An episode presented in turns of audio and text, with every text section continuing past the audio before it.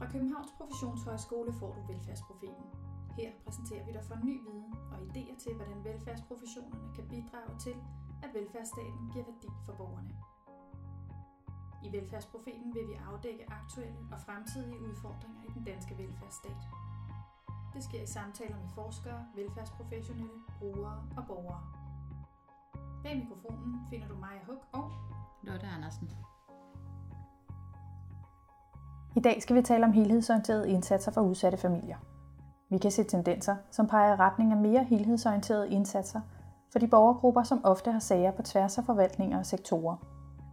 Til trods for velvilje og interesse for helhedsorienteret arbejde til gavn for borgerne, er der ofte barriere for at skabe indsatser på tværs. Så hvad er det for nogle barriere, og hvad skal der egentlig til for at overkomme dem?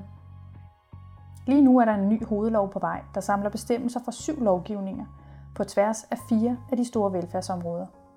Loven skal give sagsbehandlerne bedre mulighed for at tilbyde en koordineret og sammenhængende hjælp, så den enkelte borger kan finde fodfæste i tilværelsen og komme i job eller uddannelse. Men hvad betyder det for den kommunale indsats? Hvilke kompetencer fordrer det? Og hvad for en betydning får det for borgerne? Det har vi inviteret Dragana Radic, som er chefkonsulent på Københavns Professionshøjskole, til at tale om, og Ulrike Fontangen Rote, som kommer fra Ballerup Kommune.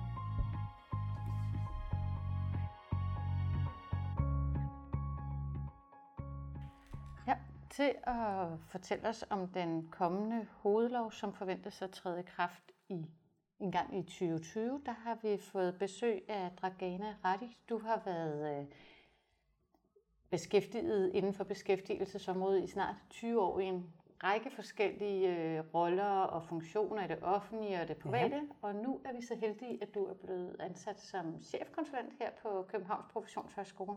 Ja. Velkommen til. Mange tak. Hvad er du mest optaget af i forbindelse med den hovedlov, der forventes at træde i kraft? Jamen, den har jo ligesom været undervejs i flere år. Vi kan jo se det helt tilbage fra øh, Brug for Alle, øh, regeringsinitiativ, hvor vi arbejdet med at få dem, der er længst væk fra arbejdsmarkedet, kan man sige, tættere på, og med nogle koordinerede indsatser, at det nu lykkes, at vi er nået så langt, at vi faktisk øh, tænker, at de her sektoropdelinger kan være en barriere for at arbejde med målgruppen, og at, at det kan vi handle på nu. Og man kan sige, at det, der gør det nemmere, ikke at vi ikke har kunnet det før, men det er, at nu bliver det også fastsat ved lov, både hvordan vi kan gøre det, og at vi, vi kan gøre det. Ja, så kunne du fortælle lidt mere om indholdet? Hvad er de vigtigste Jamen, jeg tænker, det vigtigste er her, øh, kan man sige, at, at øh, alle øh, de fagprofessionelle bliver opmærksomme på, at der for en bestemt, kan man sige, målgruppe vil være den her mulighed, som gør, at vi kan arbejde tættere sammen. Vi har jo haft en koordinerende sagsbehandler i, i mange, mange år. Vi har også haft mulighed for at koordinere før, men det kan være rigtig, rigtig svært på tværs af sektorer og instanser. Vi har jo forskellige, kan man sige, lovbestemmelser, øh, vi har forskellige økonomier, forskellige kulturer, øh, som nogle gange øh, har arbejdet lidt, ikke nødvendigvis kulturerne, men i hvert fald lovbestemmelserne, har været øh, lidt modsatrettet. Og det er det, man forsøger at, at lave et opgør med her. Hele den her gamle silo-tænkning, øh, som vi jo har talt om i mange år, øh, har jo også gjort, at vi er blevet specialister på områderne. Og det, som jeg kan se vil være forserne ved det her, det er, at vi faktisk kan arbejde mere helhedsorienteret. Øh, og der bliver mulighed for at koordinere de her indsatser ved, at vi også får indsigt i hinandens øh, kan man sige, ansvarsområder i højere grad, end vi har nu. Hvad er forskellen? Fordi det kunne man vel strengt taget også gøre før, kunne man ikke? Det med de rette i hvert fald. Ja. Og, og så videre. ja, altså man kan sige, øh, i forlængelse af brug for alle har vi jo også fået de her rehabiliteringsteam, som kan man sige er et, øh, et afsæt til det, vi også prøver at tilbyde til en bredere gruppe i dag. Øh, ud fra mit perspektiv, der vil jeg sige, at det, der har gjort det meget, meget vanskeligt, det er netop, at lovbestemmelserne ikke nødvendigvis harmonerer. Hvis vi tager et konkret eksempel, så kan det jo være en øh, far, som skal i gang med en beskæftigelsesrettet tilbud, og samtidig siger børne- og ungeforvaltning, det vil være rigtig, rigtig godt, at du sammen med din søn går i gang øh, med et øh, udviklingsforløb. Og der kan man sige, at der nogle gange, så kan lov, lovbestemmelserne ikke nødvendigvis arbejde sammen, fordi på beskæftigelse er der nogle deadlines for, hvornår du senest øh, skal have modtaget et tilbud. Øh, og der kan det være svært for den her far, som har andre udfordringer, at finde ud af, ja, hvordan skal jeg navigere i det her. Og så er der jo, kan man sige, øh, heller ikke mulighed, eller det er der ikke, og, men det kommer der til fremret, ikke mulighed for at få oplysninger fra de andre instanser, som jo gør det svært at indtænke øh, den enkelte borgers livssituation. Så jeg tænker, det, der bliver den store øh, forandring her, det er netop, at man kan se familiens livssituation. Så det er ikke bare faren, men også moren og børnene i familien, altså at man kan give et samlet tilbud. Øh, derudover har vi jo typisk mange fagprofessionelle indenover en familie, bare på de her fire, kan jo meget snilt komme op på en 12-15 sagsbehandler. Og det kræver altså virkelig øh, sin mand at få overblik over, hvem gør hvad og hvad er gældende, øh, for der gælder forskellige regler øh, i de forskellige, kan man sige, inden for de forskellige områder. Så jeg tænker umiddelbart, altså set fra den fagprofessionelle vinkel, at det gør det mere overskueligt, og der er også noget tidsperspektiv i det, øh, at, at vi kan arbejde sådan lidt af en træsporet motorvej i dag, hvor vi ikke skal vente på, at andre ligesom øh, godkender, visiterer, handler på deres, men at vi kan koordinere og gøre det sideløbende. Men så der er ikke noget nyt i forhold til de redskaber og værktøjer, vi kan bruge fremadrettet. Det vil jo stadigvæk være det samme, at vi kan koordinere dem i højere grad, hvor vi måske nu er lidt afhængige af øh, vores eget afgrænsede område, og så siger jeg, okay, forudsætningen for, at øh, du kan komme i et praktikforløb, er, at du måske får en socialpædagogisk hjælp, men hov, den er der jo en anden instans, der skal beslutte. Øh, og de, deres formålsbestemmelse siger, at det kan man få for at øge livskvaliteten og hjælpe borgeren i eget hjem. Hvor kan man sige beskæftigelsesindsatsen, der tænker man, jamen det er jo forudsætningen for, at han overhovedet kan komme ud af det her hjem. Så vi har jo, kan man sige, mange år har forskellige perspektiver på, hvad, hvad er det for en hjælp? Og det, det har været en barriere for vores, øh, for vores borgere. Og du siger allerede i rehabiliteringsteamsene, der er man ja. begyndt at arbejde mere tværfagligt og mere Præcis. helhedsorienteret. Ja. Er der nogle erfaringer derfra? Hvad er det for nogle særlige kompetencer, der kræver? Er der noget nyt, de skal lære sagsbehandlerne? Ja, altså jeg vil sige, at i mange år har vi jo som sagt været fagspecialister inden for vores eget område. Det vi i højere grad skal til at gøre nu, det er, at vi skal sådan set også have lidt overblik over, hvad er det, der ellers er muligheder.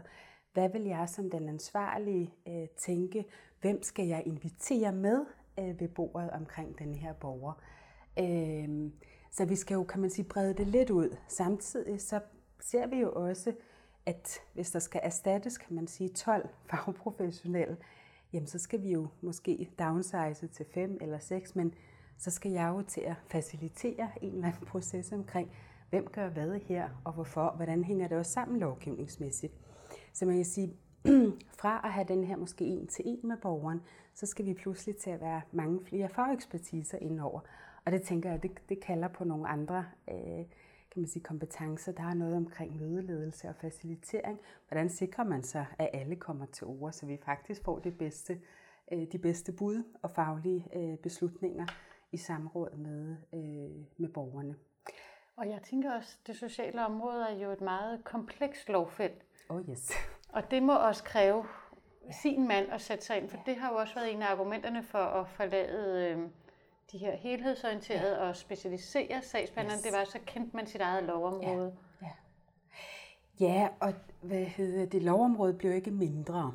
Men jeg tænker, at med den her konstellation, så vil man lovmæssigt have stadfæstet, at der faktisk er tid og rum til, at de her fagprofessionelle kan mødes øh, og samarbejde. For sådan som det jo har været skruet sammen, så har vi jo delt øh, det sociale beskæftigelse og økonomi fra hinanden. Og så lå det jo ligesom øh, i kortene og i loven, at hver mand arbejder på sit felt, og vi, ligesom, vi, vi blander os ikke i hinandens. Øh, og det kan man sige, det fungerer rigtig fint for dem, som ikke har øh, hvad hedder, komplekse problemer. Men for borgerne, som har, kan man sige, nogle udfordringer, udover blot det at mangle et job, så bliver det jo, øh, kan man sige, en udfordring. Så set fra, fra øh, hvad hedder det, fagprofessionelt perspektiv, så vil man jo nok komme på arbejde med øh, at skulle opdyrke nogle andre kompetencer. Hvis vi også ser det sådan generelt i forhold til, hvordan man har ageret på beskæftigelsesområdet, så har vi jo underlagt rigtig meget, været underlagt meget dokumentation, altså hele den her sådan New Public Management tanke, som jo har gjort, at samtalerne er jo defineret på forhånd, men ikke nødvendigvis indholdet. Så når vi indkalder borgerne, har vi jo ikke nødvendigvis altid haft et mål lige på det tidspunkt. Det kan godt være, at en del af processen først bliver afklaret senere. Så det her med, det har ikke altid nødvendigvis givet mening. Men man kan sige, jamen som sagsbehandler eller som fagprofessionel, så har du jo gjort dit arbejde, hvis du har leveret i gåsøjne samtale til tiden. Det, som det her kalder på, det er, jamen nu skal vi jo selv definere, hvornår det er, det giver mening. Og hvis man bare tænker, at man lige hurtigt skal indkalde et team med kort varsel, fordi nu giver det mening at mødes og drøfte det videre. Altså hele den der ko- koordineringsproces kan jo tage noget tid. Så det kræver nogle øh, projektlederkompetencer næsten hos ja, det tænker jeg. Ja, det Men er der også noget i det mere organisatoriske, som skal ja. setup, der skal ændres? Absolut. Altså, jeg vil lige sige, i forhold til det første, der ser vi faktisk her fra KP flere henvendelser fra jobcentre, øh, som gerne vil have noget øh, kompetenceudvikling til deres medarbejdere som en form, kan man sige, for processtøtte til at kunne komme der, hvor vi kan finde ud af, man siger, det lyder sådan lidt banalt at arbejde sammen, men det er faktisk en større udfordring end som så. Øh, bare den der praktiske øh, koordinering i kalenderen kan jo være, øh, kan jo være svær. Men er der noget af det organisatoriske, som ja. skal ændres? Eller? Øh, jeg tænker faktisk, at der kommer til at være rigtig meget omkring det organisatoriske. Det bliver det vigtigste, for man kan sige, det bliver fundamentet for, at man kan arbejde øh, helhedsorienteret og på tværs. Øh, vi kan jo se allerede i dag, at de fleste øh, områder er jo delt op, fysisk også øh, adskilt. Så der kommer også til at være noget omkring, kan man sige, hele forankringen af det her. Hvordan skal vi implementere de nye øh, ændringer, både ledelsesmæssigt, der er nogle ledere, der kan man sige også skal arbejde sammen for at kunne understøtte det her. Ellers kommer vi så, så sandelig ikke særlig langt. Og så kan man sige fagligt også, øh, og især kulturmæssigt, der udvikler sig jo nogle kulturer i forskellige organisationer, som vi også skal have øh, til at spille sammen. Og der kan vi jo så se, at øh, KL jo også har været inde sammen med regeringen og forhandle om øh, nogle midler til at understøtte implementering af det her, hvor de netop også er opmærksom på kulturforandringer. Det her det er faktisk en større proces end som så hele økonomidelen, for man kan sige, hov, hvad kan det her komme til at betyde? Og for at gøre det lidt forsimplet, jamen hvis ikke vi mødes så ofte, så koster det måske ikke det mere. Men når vi nu alle sammen er opmærksom på det her, så kan det her faktisk potentielt også medføre nogle ekstra udgifter. Jamen, har vi afsat flere midler til det. Vi så det samme ske, øh, da vi oprettede rehabiliteringsteams, øh, hvor vi hørte nogle øh, medarbejdere, som sad ved bordet, sige efter mødet, at hvis de bare lå være med at sige noget højt, så risikerede de faktisk ikke at skulle afgive nogle tilbud, fordi deres chef har sagt, at vi skulle altså også passe på med budgetterne. Og det er sådan lidt, øh, en lidt interessant tankegang, men den er jo egentlig ikke så fremmed, fordi vi får ikke tilført flere ressourcer. Øh, så der kommer til at være nogle, altså der kommer til at være nogle elementer i det, som er ret væsentlige for, at, at det, her, øh, det her kan lade sig gøre. Ja, der er ingen tvivl om, at alle gerne vil det og kan se en idé med det. Øh, for vi har jo en pæn gruppe, jeg tror, man antager omkring 30.000 øh, borgere, som både får sociale og beskæftigelsesrettede tilbud. Og som sagt, tilbudsviften bliver heller ikke ændret. Det er de samme men den store forskel bliver, at vi kan sammentænke det, fordi der er mange af de her tilbud, som strider lidt øh, mod hinanden. Og er der nogle gode erfaringer fra rehabiliteringsområdet, som det bliver vigtigt at stå på her? Altså jeg tænker, den gode erfaring, øh, der er mange, men den gode erfaring er netop det her med, at som fagspecialist kan du mange ting, men du ser det kun ud fra dit eget perspektiv det, det, du bliver beriget med, det er de andres fagområder, som jo kan se på den samme udfordring med nogle andre perspektiver, med nogle andre øh, blikke. Øh, og det kan vi jo godt se, at når vi giver nogle koordinerede tilbud, øh, kan man sige, på tværs af de her fagområder, så får vi faktisk også en lidt øh, styr, mere styrket borger, som også kan komme til ord. Det vigtige her bliver jo også, kan man sige, hele tiden at tænke borgeren ind øh, i centrum af det her. Vi har jo længe talt om en inddragelse af borgeren. Og det er ikke fordi, at jeg øh, siger, at vi ikke inddrager borgerne, men nogle gange går inddragelsen til, at nu har du afgivet, kan man sige, dine data til, at vi fagligt kan handle videre. Og jeg tror ikke, det er sådan, man oprindeligt egentlig havde tænkt inddragelse. Så der er jo rigtig mange elementer på spil det her med, at der som sagt sidder flere fagprofessionelle, og også en borger er involveret i det her, det gør altså en stor forskel, for det er trods alt dem, der skal bære planen videre. Og når vi siger min plan øh, juridisk, så er det altså borgeren, og ikke øh, de fagprofessionelle. Det gør det også lidt nemmere at fastholde nogen i noget, som de selv har været med til at fabrikere.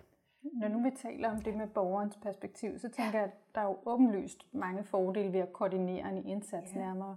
Der har også nogle gange været talesat som en bekymring, at du ikke kan arbejde med din beskæftigelsessituation, uden at der også skal involveres alt muligt omkring øh, dine børn eller andre forvaltninger, ikke? Ja. altså i forhold til et retssikkerhedsperspektiv. Ja.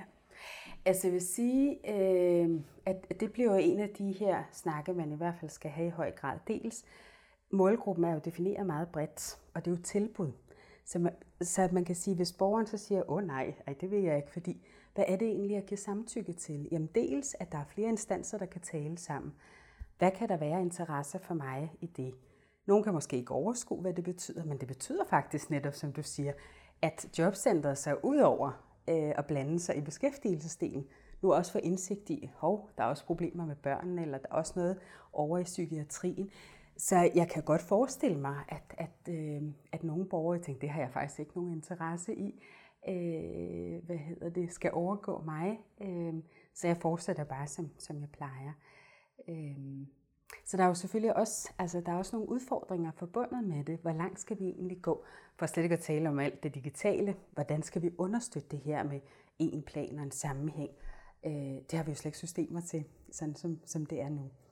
Men du har øh, før nævnt øh, som en ja. kritik det her med New Public Management, at der har været rigtig mange dokumentationskrav ja. og rigtig mange procesregler på beskæftigelsesområdet, og det har mange kritiseret. Ja. Men bliver kommunerne sat helt fri nu eller altså, bliver de stadig mål på resultater på en eller anden måde? jeg tror aldrig, at kommunerne bliver fri for at blive mål på resultater. Øh, men jeg tror, for denne her målgruppe, der vil resultaterne netop være, at man kan understøtte, kan man sige, den enkelte borger eller øh, borgerens familie til at kunne komme videre. Altså at man kan se et udviklingspotentiale. Øh, men når jeg, når jeg har nævnt New Public Management, så er det jo fordi, at ja, både vi selv og andre også har kritiseret det her med, at øh, målingerne i meget høj grad jo i nogle perioder har været, jamen har borgeren været til samtale, eller har borgeren ikke været til samtale? Har borgeren været i praktik, eller har borgeren ikke været i praktik, og inden for en bestemt deadline genereret af systemet? Hvor man kan sige, det kan vi jo se, det har jo ikke fået borgerne tættere på arbejdsmarkedet. Det har jo ikke altid givet mening, men mange gange så har man jo øh, lavet nogle af de her forløb eller samtaler, fordi at systemet ligesom øh, har, hvad hedder de, øh, har, øh, har genereret øh, de her deadlines. Øh, og man kan sige, ja, det er jo også med til, at, at det det opgør, vi egentlig er i gang med, og som har været længe undervejs, men som er en svær øvelse. Øh, ja. Kunne du fortælle lidt om, hvem er målgruppen for den nye hovedlov? Jamen målgruppen for denne her øh, øh, hvad hedder det, lov vil jo typisk være borgere, som har øh, det er defineret som har nogle komplekse, kan man sige, problemstillinger. Og allerede her kan vi jo diskutere, jamen hvem er det egentlig? Og det tror jeg, eftersom det også er overladt til den enkelte kommune, øh, kommunalbestyrelse kommunal bestyrelse, at definere, hvordan man vil organisere det her, så forestiller jeg mig, uden selvfølgelig at vide det, at hver en kommune vil prøve at kigge igennem, hvad har vi af potentielle øh, borgere, som kan øh, deltage, sådan som vi tænker vil være øh, personkredsen, og det næste bliver jo så, jamen, hvordan får vi formidlet det her? Og hvis vi nu siger, øh, at vi i en kommune har 150 potentielle borgere, og vi så tilbyder det til samtlige, og de 100 siger nej, jamen, hvad betyder det så? Så der er jo mange elementer. Altså, dels skal man til at motivere borgerne til det, fordi vi som fagprofessionelle kan se, at det her det kan give mening. Altså, det kan styrke øh, hele, øh, kan man sige, vejen til, at du kommer i uddannelse eller job eller øh, behandling, eller hvad det nu måtte være. Øh, men man tænker jo selvfølgelig øh, de borgere, som øh, har et koordineringsbehov. Så man skal jo kan man sige, både have nogle øh, komplekse øh, udfordringer, men også at der er et koordineringsbehov, og ikke mindst, at der faktisk også er et udviklingspotentiale. Og det er jo meget bredt defineret, og det kan man sige, det er jo i sig selv rigtig, rigtig fint, fordi det giver jo mulighed, den enkelte kommune mulighed for og hvad hedder det, matche op med de potentielle kandidater, kandidater de har. Øh, og så vil jeg sige, altså nu bliver det jo, kan man sige, en hovedlov, men den er jo ikke så fremmed igen for her øh, i august 2018, øh, der fik vi jo lov om, øh, hvad hedder det, en plan, som man siger, der er jo mange af de her ting, som sådan langsomt er bygget op omkring tanken om sammenhængende forløb, en plan, koordinering på tværs, som nu kulminerer i noget, der bliver lovfastsat som kan man sige, en samlet pakke. Så hvad tænker du, Dragana, kommer vi til at se mere af den her slags Absolut. initiativer? Og jeg tror, det bliver rigtig, rigtig godt. Vi talte også lige det her med samtalerne og dokumentation og frihed til kommunerne. Det er meget frihed at give og sige, nu får I, kan man sige, den her lovgivning. Prøv at tilpasse, sådan så det giver øh, mening, og det faktisk giver værdi øh, for borgeren.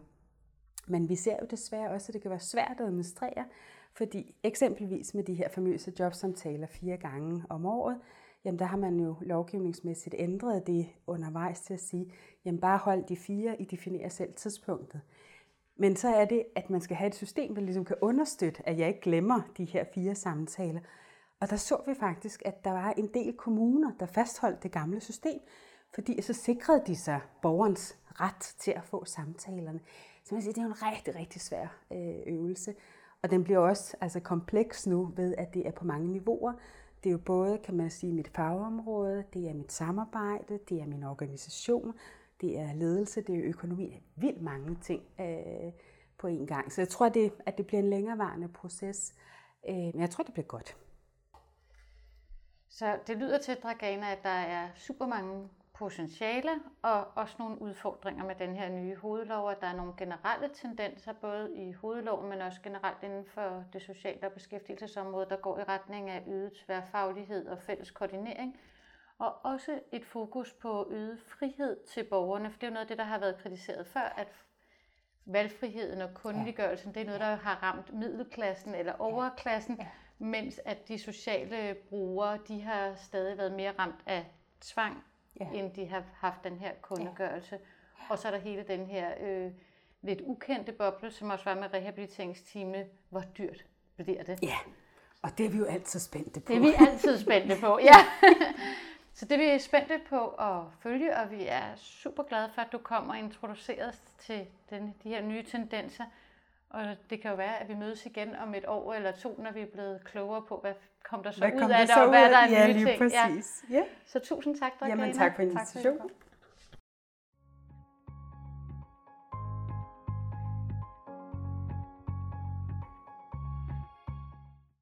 I 2014 der iværksatte Beskæftigelsesministeriet et toårigt forsøgsprojekt for udsatte familier, og projektet fik titlen Helhedsindsats for udsatte familier, og det havde afsat i kontanthjælpsreformen, og det er det, som har dannet afsat for rigtig mange af de øh, takter, der er i hovedloven i dag. Og formålet med projektet det var at undersøge, om en koordineret indsats på tværs af kommunens forvaltninger kunne være til gavn for de her udsatte familier, og om det kunne hjælpe til, at forældrene kom tættere på arbejdsmarkedet. Projektet løb i 2014 til 16, og det omfattede 10 forsøgskommuner og knap 350 familier. Og i dag har vi besøg af Ulrike Fontange Rute. Og Ulrike, du er i dag ansat i Ballerup Kommune, mm. men inden du kom til Ballerup, der var du ansat i Lolland Kommune, som var et af de øh, forsøgskommuner, der indgik i projektet. Mm. Ja, kunne du fortælle lidt om dine erfaringer fra dengang? Det vil jeg rigtig gerne. Ja. Først og fremmest så vil jeg sige, at Lolland Kommune gik jo ind i det her projekt, fordi Lolland Kommune er en kommune, som sådan rent øh, socioøkonomisk jo har det hårdt. Der er, det er velkendt viden, at der bor rigtig mange familier, og der kommer mange familier til Lolland, som, som er øh, passivt forsørget. Det er billigt at bo på Lolland, og det, øh, derfor kan man faktisk, det er måske meget smart at flytte til Lolland. Så kan man faktisk få et helt hus for nogle af de penge, man bruger på at bo i hovedstadsområdet. Det har så bare den negative konsekvens, at der er forholdsvis mange på Lolland. Og det er klart, det dræner den kommunekasse forholdsvis meget. Så man gik ind i det her projekt, måske lidt med ryggen mod muren, for at sige, jamen kan vi gøre noget andet? Altså den måde, vi har sagsbehandlet på, den måde, vi har arbejdet med familierne og børnene på indtil nu, de har jo ikke rigtig rykket. Altså det er nogenlunde de samme, der kommer desværre måske flere og flere ned over kommunegrænsen, så vi skal simpelthen gøre noget andet. Så kommunen var i hvert fald klar på at sige, nu vender vi sådan set det hele på hovedet, nu prøver vi på at gøre noget helt, helt andet. Og der kom det her projekt ind, eller som nærmest som lidt øh, som gave fra himlen, for man sige. Så fik vi nogle penge til at få lov til at prøve nogle nye samarbejdsformer af. Så det var sådan lidt baggrunden for, at man så gjorde det. Fordi man, altså man kan sige, groft sagt, så havde kommunen næsten ikke noget at miste. Øh, og det var selvfølgelig godt for os, fordi vi så fik lov til at arbejde på en helt anden måde, og vi fik lov til at arbejde både med sagsbehandlere og med familierne på en meget markant anderledes måde, end man ellers havde gjort. Hvad var det for nogle indsatser, der, der indgik i projektet? Først og fremmest så havde vi jo gjort det, at øh, vi samlede et, det vi kaldte et, et tværfagligt team, og det tværfaglige team det bestod for, for arbejdsmarkedet, for socialpsykiatrien, for børn og unge og for det specialiserede voksenområde. Det er sådan de øh, hovedområder, vi typisk ser, at øh, de udsatte familier har en aktie ind i. Så det var sådan der, hvor man sagde, at det kan vi se, at det, der, og det er de fire områder i hvert fald, som altid skal samarbejde meget, meget tæt for at få øh, en udsat familie i bedre trivsel. Og det var hele tiden det, der var hovedpointen hvordan kommer en familie sådan her i bedre trivsel. Så det handler dybest set om at få de her, øh, og det, jeg siger bare i situationstegn lige nu, at få de her meget, meget forskellige hovedområder til at samarbejde om at lave en plan for borgeren, sådan så borgeren faktisk havde en forståelse for, hvad der egentlig skete i kommunen. For mange gange så sidder vi jo et par borgere på den anden side, som sidder og siger til mig, der var en, en borger, der for eksempel sagde på et tidspunkt, er det simpelthen op i kommunen? Altså man har jo hele tiden følelsen af, at den ene hånd ikke ved, hvad den anden gør. Og det er faktisk rigtigt. Det ved vi faktisk ikke. Vi tror, vi ved, hvad de gør, men vi samarbejder aldrig om det. Så indsatsen blev den første og meget, meget væsentlige indsats, det var, at familierne fik én indgang til kommunen. Vi havde mange øh, familier, som jo havde 5, 6, 10, 15 sagsbehandlere nærmest rundt omkring ansat til en familie, og vi kiggede jo hele familien. Det er også det, der var den helt store forskel frem for at gøre det før. Vi kigger på alle familiens problemer, fordi vi tænker, familiens problemer det er så sammensat, så de skal også løse sammen. Så de fik en indgang. Og nogle sagsbehandlere kom virkelig på overarbejde, fordi de fik det, vi kalder en familiekoordinator, som så skulle sørge for at koordinere samtlige indsatser ind i familien. Så hver eneste gang familien gerne ville i kontakt med kommunen, så tog de fat i Pernille eller Lotte, eller hvem det nu var, og sagde, at det, det var det, vi gør. Og det var også familiekoordinatoren, som var med til at lægge en plan sammen med familien, hvor det hele tiden var familiens stemme, som var den allermest centrale. Det var familien selv, der var med til at prioritere, hvad det var for nogle øh, indsatser, de egentlig havde brug for. Og det var også familien selv, der var med til at prioritere, i hvilken rækkefølge det skulle komme. Det var langt fra altid, at socialrådgiverne var enige med familierne om, at det var den rækkefølge for eksempel, det skulle være. Der sidder man jo tit som socialrådgiver med sin faglighed, sin klogskab mange gange, og tænker, at øh, man kan godt få lidt den der, ej, jeg ved bedst følelse. Øh, og så glemmer man at spørge borgeren. Øh, og mange gange har borgeren jo et, øh, Altså vi må tro på, og det skal vi tro på, borgerne er faktisk de mest kompetente til deres eget liv. Så husk lige at spørge dem. Når man så spørger dem, så får man jo nogle ret interessante svar, som er til at arbejde videre med. Så det vil jeg sige, den, den, når du spørger, hvad det var for en indsats, så vil jeg sige, at den, der nok var den mest markante indsats, det var, at de fik en indgang til kommunen. Var det frivilligt? Ja, vi endte med, at vi havde, og det var en konstant diskussion det her, men vi endte med at sige, at hvis man skal arbejde så markant anderledes, så er vi nødt til at have folk frivilligt til at gå med til det. Og det var ikke alle, der ønskede det her. Der var nogen, der var så glade for deres sagsbehandler. Det turde de simpelthen ikke, for nu havde de endelig fået en sagsbehandler, som, som de havde fået en rimelig relation med, vil jeg sige. Øh, men vi besluttede simpelthen, at hvis vi skulle arbejde så markant anderledes, så var vi nødt til, at at man gik frivilligt med på at sige, jamen vi vil godt gøre det her anderledes. Vi er klar på, at der kommer en ny sagsbehandler, som skal arbejde anderledes. Og man er også klar på som familie, at ja, vi skal selv til at gøre et stykke arbejde nu. Det betyder ikke, at Øh, vi lægger øjensatsen om, ja, men det er jer som familie, der skal i gang, og det er jer som familie, som skal i arbejdstøjet.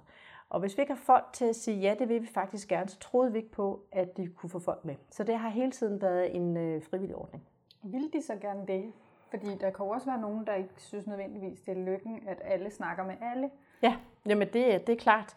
Der, var nogen, der er altid nogen, der melder fra. Det, det er klart. Men jeg vil sige, langt, langt hovedparten har sagt ja tak. Fordi så behøver jeg ikke fortælle min historie hele tiden. Den del af det, som handlede om, at vi delte informationer, vi selvfølgelig havde samtykke til blandt hele vejen rundt og bordet, familien sagde altid, ja, I må endelig. Vi er ikke godt bare vide det alt sammen, fordi vi er faktisk så trætte af, at vi skal fortælle vores historie om og om igen. Så kommer der en ny sagsbehandler over i jobcenter, så skal jeg starte forfra med at fortælle min historie. Så får jeg en ny sagsbehandler til mit ene barn, så starter jeg forfra med at fortælle min historie igen. Og til mit tredje barn, så starter jeg forfra igen, og socialpsykiatri, alt det der. Så hvis man kunne få lov til at slippe for det, for familierne var det en enorm lettelse. At vi faktisk vidste, øh, og vi også talte med skolerne selvfølgelig, og vi talte med den lægen og tandlægen, og den psykiater, der var på. Altså det var jo fordi, det var hele vejen rundt. Ikke? Du sagde, at uh, sagsbehandleren nogle gange kom lidt på overarbejde familieindgangen, at ja. der var nogen, der skulle gøre en stor indsats. Mm. Oplevede du, at udover at arbejdsmængden kunne blive stor, at det også krævede nogle særlige kompetencer af sagsbehandlerne? Ja, øhm, det synes jeg, det gør. Øh, og jeg bestemt, man kan bestemt lære det. Men, men det, det er klart, altså fra sagsbehandlernes side var det også vigtigt, at de gik ind i det her arbejde med en frivillighed. En frivillighed i, at jeg vil gerne arbejde anderledes. Jeg kunne rigtig godt tænke mig at komme tæt på familierne. Øhm, og mange af dem siger, at den her måde, vi har arbejdet på, var faktisk derfor, jeg blev uddannet. Det var det her, jeg kom tæt på det sociale arbejde. Det var det, jeg egentlig altid ønskede mig med min uddannelse, men aldrig måske rigtig har fået lov til at arbejde med. Så fra socialrådgivernes side vil jeg sige, jo, de er kommet på overarbejde, og de er kommet på overarbejde på den måde, at det har krævet, at de skulle øh, bruge mere sig selv, vil jeg sige øh, sætte sig selv mere i spil. Øh, også indgå den, som vi arbejdede med, jamen, at, at familierne faktisk kunne få lov til at sms dem om aftenen. Vi havde en aftale om, det vidste godt, at vi ikke altid svarede. Det var helt klart. Men for rigtig mange familier var det bare vigtigt, at de kunne komme i kontakt med nogen og give deres besked om, at det gik smadret godt i dag, eller vi kan samle sammen i morgen, eller et eller andet.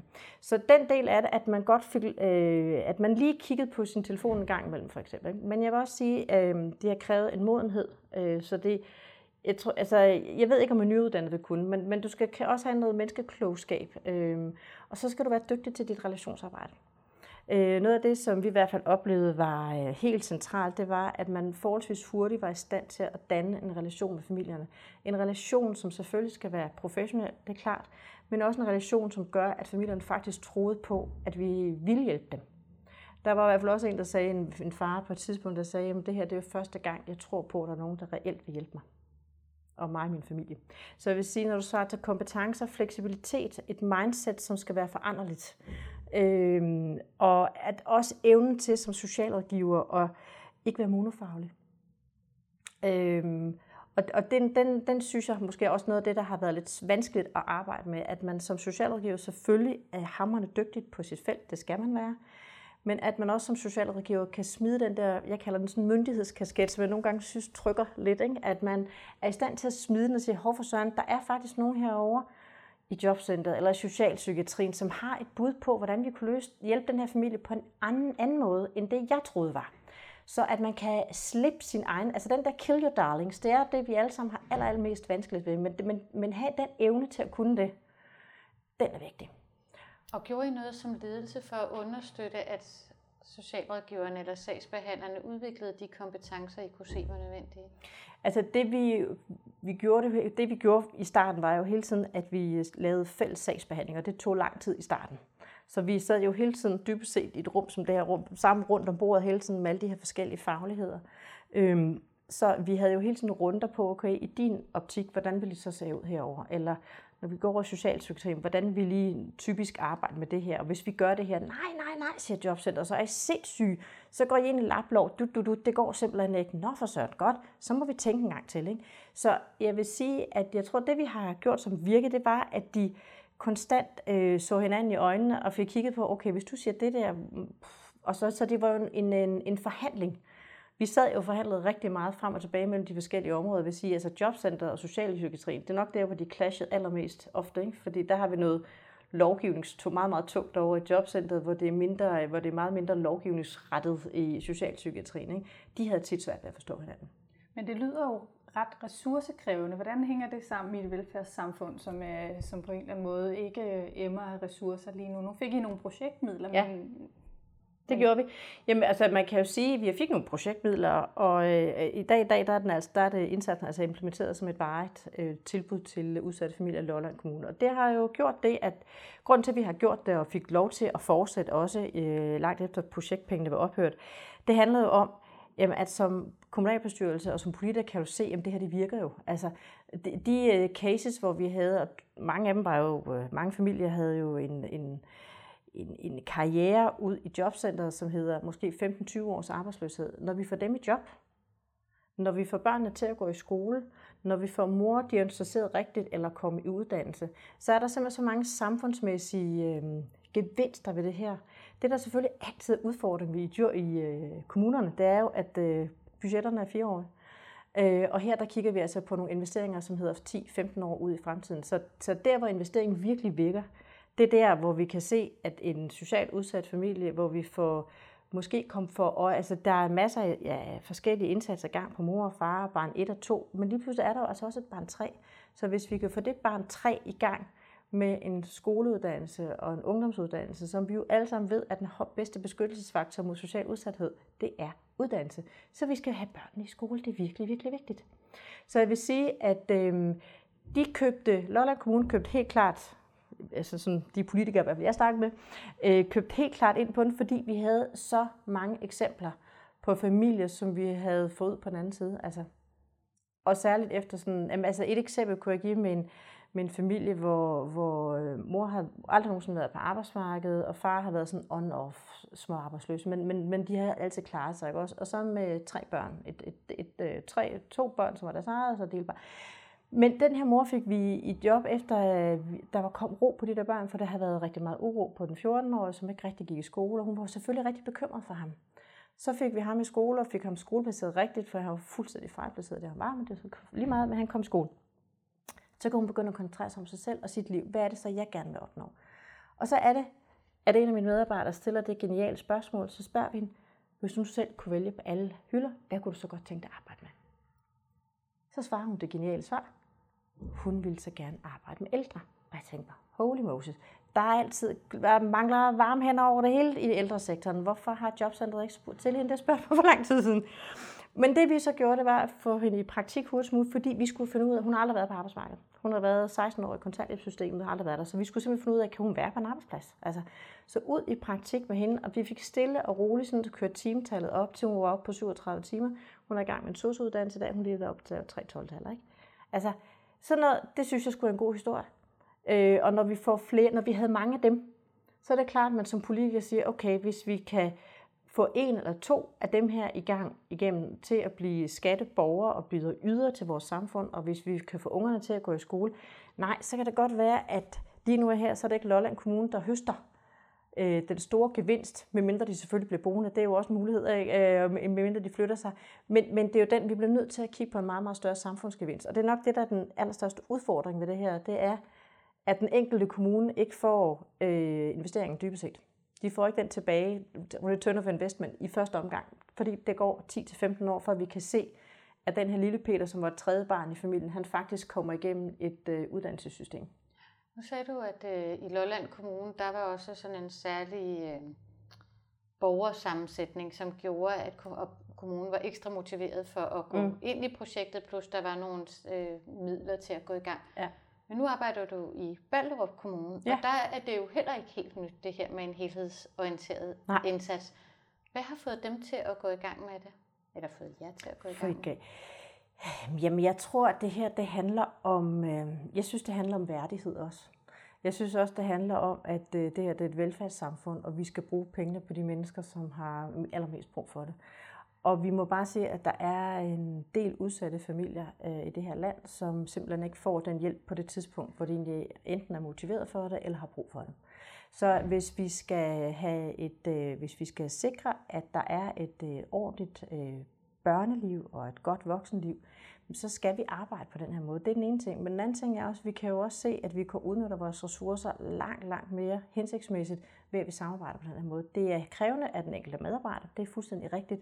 Men, men vi når altså nogle løsninger, som gør, at vi får nogle borgere, som er selvhjulpende, øh, og nogle børn, som går i skole. Og det er noget, for, noget af det allermest centrale for mig, at hvis vi ved at systemet ændrer sig, og ved at vi samarbejder meget, meget bedre på den anden side af bordet, så får vi faktisk øh, nogle livsduelige borgere og børn ud den anden ende. Altså, og, og det er nok det, jeg har gjort, som har været noget af det vigtigste for mig i at arbejde med det her, det er, at jeg kan se, at når vi ændrer os, så kan vi ændre eller hjælpe nogle af de allermest udsatte familier, vi har, som vi ellers ikke har kunnet.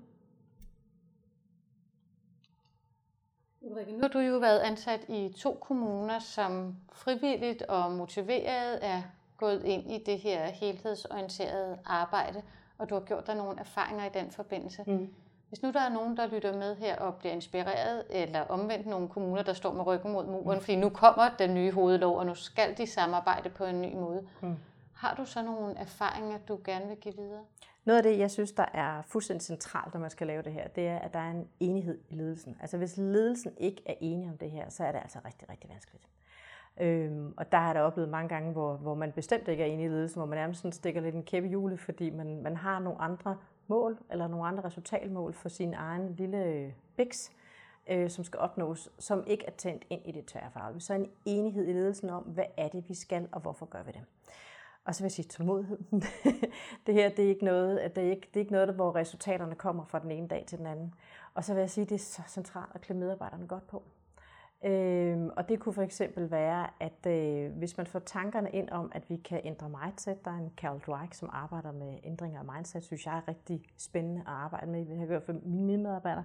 Men også altså, begreberne og tænkningerne bag øh, relationel koordinering har været det helt essentielt for, at de medarbejdere, jeg har arbejdet med i hvert fald, har fået en øh, forståelse af, hvorfor det er, at vi skal arbejde så tværgående, og hvad det er, det kan give øh, at arbejde tværgående på den her måde, udover at sætte, hvad vi også skal nu, hele tiden sætte borgeren i centrum. Øh, så, så jeg vil sige, det er nok noget af det, som jeg synes har været allermest, øh, der hvor det har været allermest udfordret, det har faktisk været ledelsen. Så der er noget internt, noget både med ledelsen mm. og noget med medarbejderne. Mm. Men i den nye lov, der er det jo også frivilligt for familierne, om de vil deltage. Er der noget, man kan gøre for, at de får mere lyst til at deltage i det samarbejde? Mm. Ja, jeg synes, man skal fortælle de gode historier. Man skal turde fortælle de gode historier om, og det, og det kan man jo for eksempel gøre i den bog, som jeg har været med til at lave om helhedsorienteret øh, arbejde med udsatte familier. Der er en hel del gode historier i, øh, som jeg godt synes, man kan blive inspireret af. Og jeg ved godt, at de historier, vi har fortalt i den bog, det har også været øh, øh, måske nogle lidt mere særligt udsatte familier, men, men, men mere historien om, at ved at øh, vi som øh, system gør noget anderledes, ved at vi tilgår vores borgere anderledes, ved at vi taler på en anden måde, vi stiller nogle andre typer spørgsmål, vi er involverende. Vi sætter borgeren i centrum, som vi skal. Altså spørg borgeren hele tiden. Øhm, det, det, det, jeg synes, man kan, det er det, jeg synes, man skal lade sig inspirere af. Øhm, og selvfølgelig ved jeg godt, at man fra kommune til kommune vælger nogle forskellige løsninger. Det er klart, det skal man også gøre. Vi, der er, det er forskellige borgere, det er forskellige politikere, forskellige medarbejdere og ledelser, der er. Øhm, men men når, man, når det så er sagt, så synes jeg, det er... Mm, jamen læs bogen, kig, og så prøv, så prøv at gå ud og snakke med de andre kommuner, hvad, hvad det er, de har gjort. Fordi der er ikke nogen tvivl om, at det her det er ikke en let øvelse. Det er super vanskeligt, fordi der er så mange ting, der skal øh, koordineres, også ledelsesmæssigt. Og så vil jeg sige, begynd at kigge resultatmål. Lad os prøve på at få kigget på, om vi kan gøre et eller andet, sådan så at vi skaber et øh, incitament til, at øh, det her faktisk er noget, vi skal lave. Uh, det kunne jeg godt tænke mig at arbejde videre med i hvert fald. Hvis du så skal kigge lidt fremad, mm. frem med krystalkuglen, hvad ser du? Ja, det er jo, det er jo selvfølgelig det er jo sådan de der 100.000 kroner spørgsmål. Det er klart øh, for mig at se, at, at det her det er simpelthen kommet for at blive. Jeg er ikke i tvivl om, at det er den her måde, vi skal arbejde på, fordi vi, øh, jeg synes, det handler om menneskelig værdighed, og jeg synes, det handler om at bruge de ressourcer, vi har, som ikke er evige, og der er ikke nok af dem, men jeg synes, vi, når vi gør det på den måde, så bruger vi vores ressourcer mere så hensigtsmæssigt. Så for mig handler det om et, et værdigt børneliv, det handler om et værdigt familieliv, og at vi skal bruge vores ressourcer på de mennesker, som har allermest brug for det. Og det synes jeg, det her det kan gøre. Spændende. Tusind tak, fordi du ville komme og folde de her perspektiver ud, og vi kunne velkommen. høre jeres øh, spændende projekter. Ja, velkommen. Ja, tusind tak for i dag.